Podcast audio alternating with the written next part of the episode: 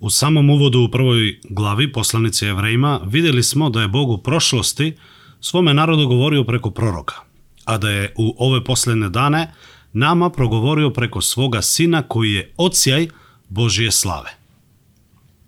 Čitali smo o tome kako je Isus moćniji od anđela i da on sedi s desna ocu dok Bog njegove neprijatelje ne položi kao podnožje pod njegove noge.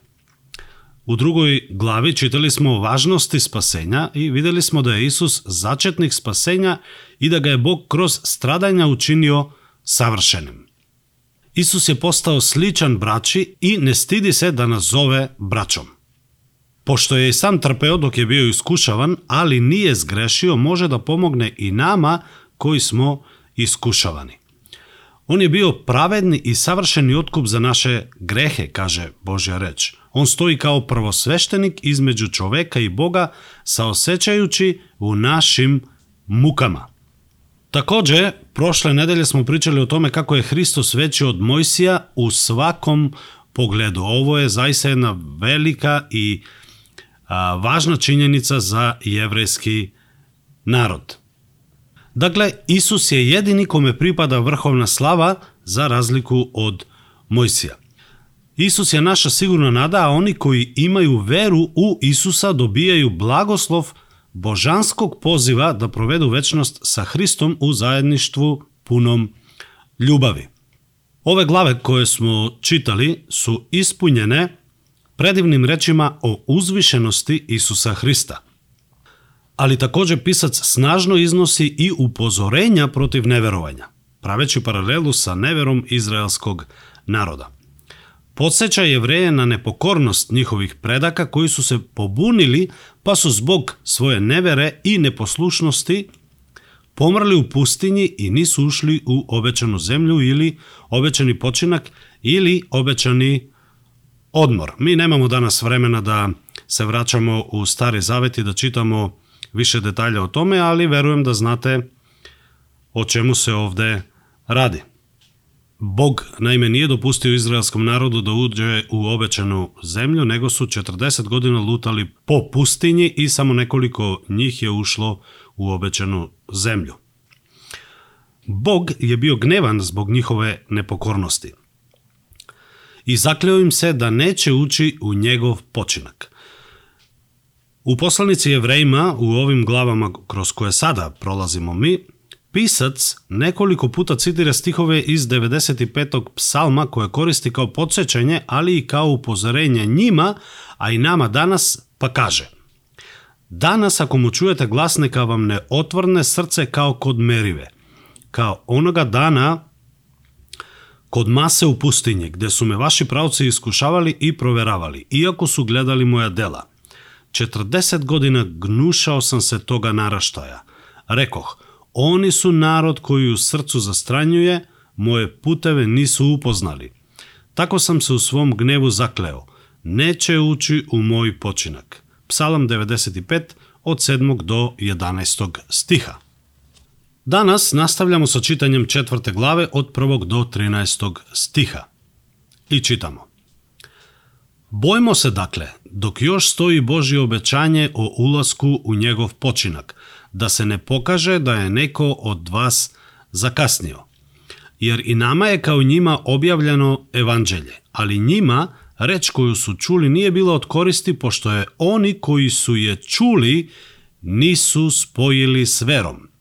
Jer u počinak ulazimo mi koji smo poverovali, kao što je rekao. Tako sam se u svom gnevu zakleo, neće ući u moj počinak. Psalam 95, 11. stih. U Bibliji postoji nekoliko vrsta počinaka. Prvo, Bog je počinuo nakon šest dana stvaranja i čitamo u postanju u drugoj glavi, drugi stih. Drugo, Hanan je bila obećana zemlja počinka, ali samo Isus Navin i Halev su ušli u nju zato što je a, narod umro u pustinji zbog svog neverovanja. Gospod Isus Hristos u Matejevom evanđelju u 11. glavi 28. stihu kaže Dođite k meni svi koji ste umorni i opterećeni i ja ću vas odmoriti. Ovo je odmor savesti. Vernici znaju da su im gresi oprošteni i ovo bi mogli da kažemo da je odmor spasenja. Kada znamo da nam je oprošteno, naš um, naša duša, naše srce može da se odmara u gospoda. Узмите мој јарам на себе и учите од мене, jer јас сам кротког и понизног срца, и начичете одмор за своју душу. Наставља Господ Исус Христос да говори у Матеевом евангелију 11 глави 29 стиху.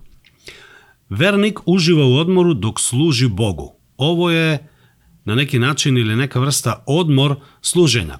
Када се наша савест одмара у Господу и имамо мир затоа што смо спашени, онда можемо u odmoru i da služimo Bogu. Večni počinak koji očekuje vernika u očevom domu u nebu. To je druga vrsta počinka. Taj budući počinak je nazvan i subotni počinak. I to je onaj počinak koji se spominje ovde u poslanici Jevrejima u četvrtoj glavi u devetom stihu. Prethodni počinci su predslika ili predokus onog glavnog počinka kojeg vernici očekuju. Taj počinak je glavna tema ovog odaljka kroz kojeg mi danas kao zajednica prolazimo. Ko ulazi u taj počinak? Ajde da vidimo šta Božja reč. Kaže, ko ulazi u taj počinak? Četvrta glava, treći stih kaže, jer u počinak ulazimo mi koji smo poverovali. Izraelcima je bila naveštena dobra vest o ulasku u Hanan, ali oni nisu tu reč spojili sa verom, pa im je reč bila beskorisna i nije donela ploda u njihovim životima. Pomrli su u pustinji. Bojimo se dakle i ugledajmo se na Izraelce, čujmo reč, spojimo je sa verom i budimo sigurni da nećemo zakasniti za ulazak u večni počinak. Dakle, vera je ključ koji otvara vrata u Božji počinak. Kao što se verom ulazi u počinak, tako se neverom ostaje napolje, kao što su ostali oni koji nisu poverovali. Verom u Isusa Hrista i pokajanjem. Nastavljamo sa čitanjem od trećeg stiha pa nadalje i Božja reč kaže Iako su njegova dela savršena još od stvaranja sveta, jer negde se za sedmi dan ovako kaže A sedmoga dana Bog se odmori od svih svojih dela, a ovde opet Neće ući u moj počinak. I dalje, dakle, ostaje da neki uđu u počinak, a oni koji su ranije čuli evanđelje nisu ušli zbog svoje nepokornosti. Стога е Бог опет одредио еден дан, данас, када е после толико времена говорио преко Давида, као што е веќе речено. Данас, ако му чуете глас, нека вам не отврдну срца. Тоа е Псалам 95, од 7 до 11 стиха. Јер да их е Исус навин увел у починак, не би Бог после тога говорио о едном другом дану. Dakle, Božijem narodu predstoji neki subotni počinak, jer ko uđe u Božiji počinak, odpočinuo je od svojih dela kao i Bog od svojih. Potrudimo se dakle da uđemo u taj počinak, da niko ne padne po uzoru na njihovu nepokornost. Vidimo da pisac poslanice Jevrejima snažno podsjeća verne na nepokornost njihovih očeva, koji, nažalost, zbog svoje nevere i zbog svoje nepokornosti nisu ušli u obećani počinak. Bog nudi ulazak u večni počinak celom čovečanstvu. Poslao je svoga sina da umre na krstu za naše grehe.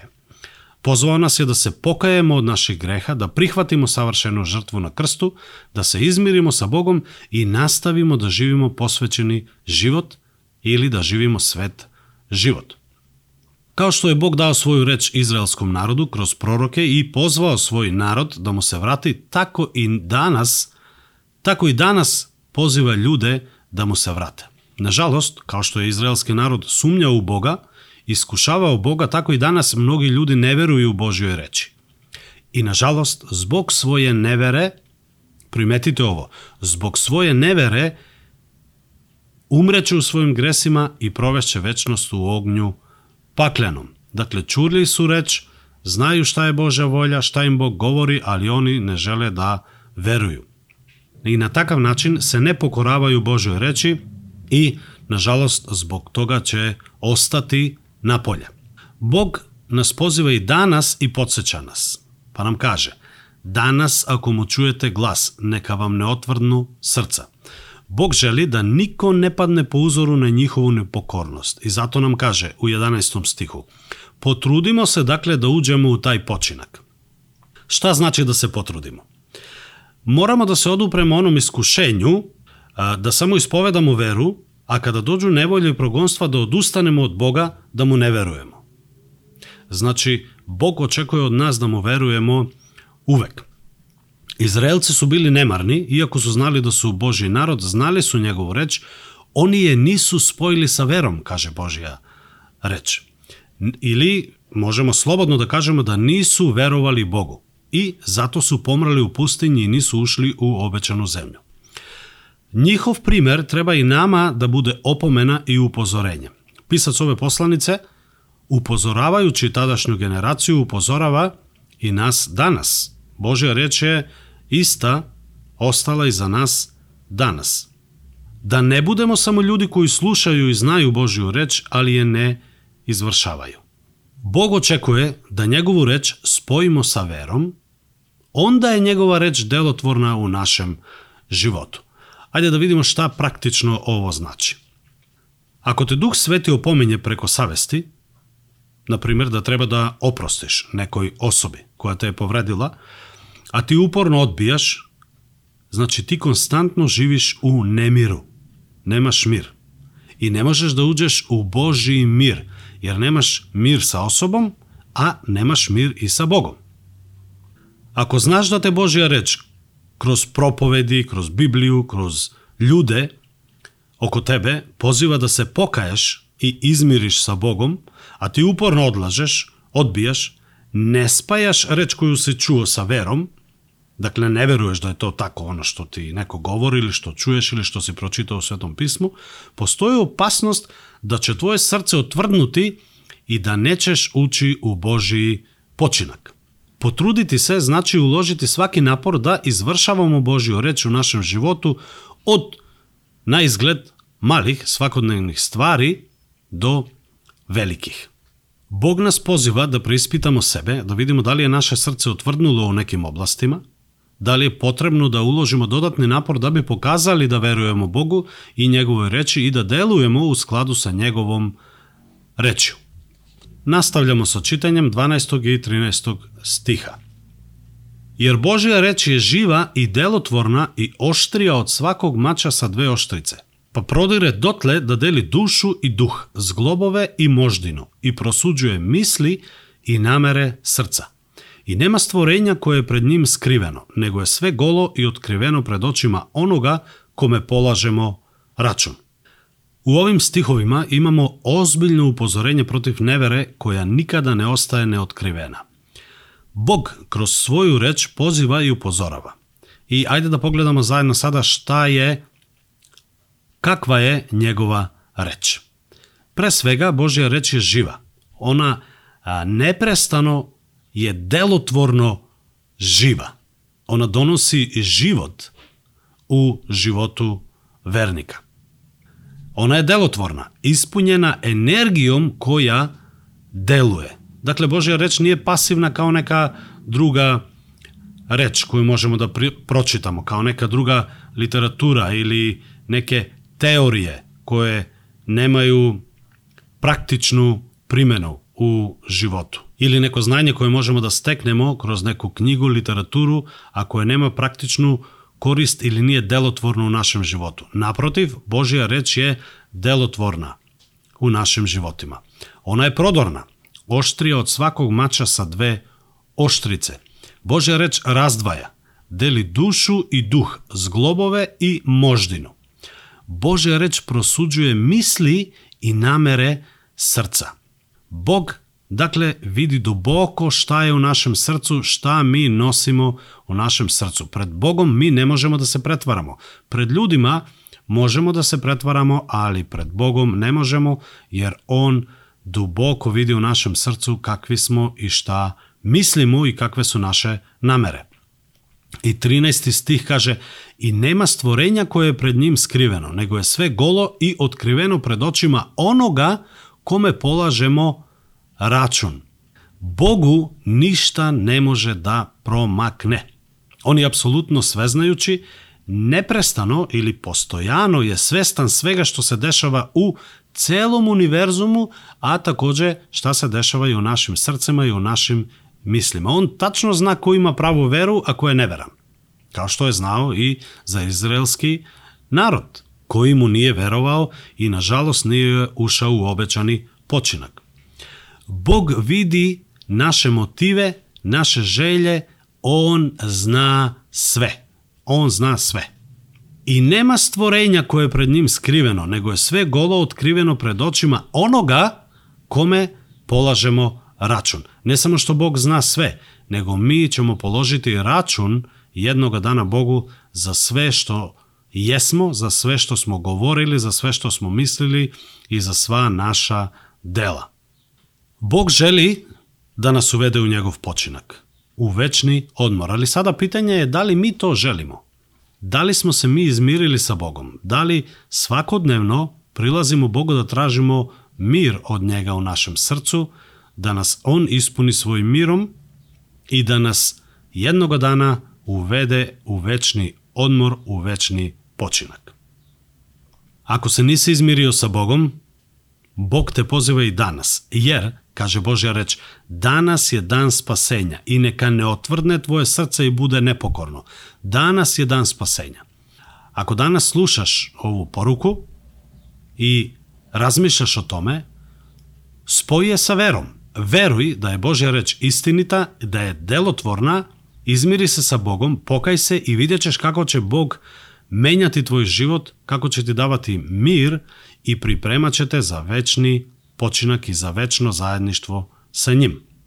Бог жели да ти да сваку врсту одмора коју смо споменули у Исусу Христу. Овде на земји, док живиш, и на крају живота да те уведе у вечни починак. Да, отпочинеш од свих дела као што и Бог починуо од своих, као што можемо да прочитамо у другој глави Постања. Gospod nam govori kroz svoju reč. Progovorio nam je kroz svoga sina, koji je veći od anđela, i Mojsija. Isus je naš prvo sveštenik koji će nas uvesti u večni počinak. Sledeće nedelja ćemo govoriti o tome i vidjet ćemo da je Isus uzvišeni prvosveštenik. Ali, evo ja bi danas završio ovu našu poruku sa jednim upozorenjem ali takođe i sa pozivom, kao što je i sama reč napisana. Ko dakle ulazi u Boži počinak? Oni koji su poverovali i koji su se pokorili Bogu. Ko ne ulazi ili ko nije ušao u Boži počinak?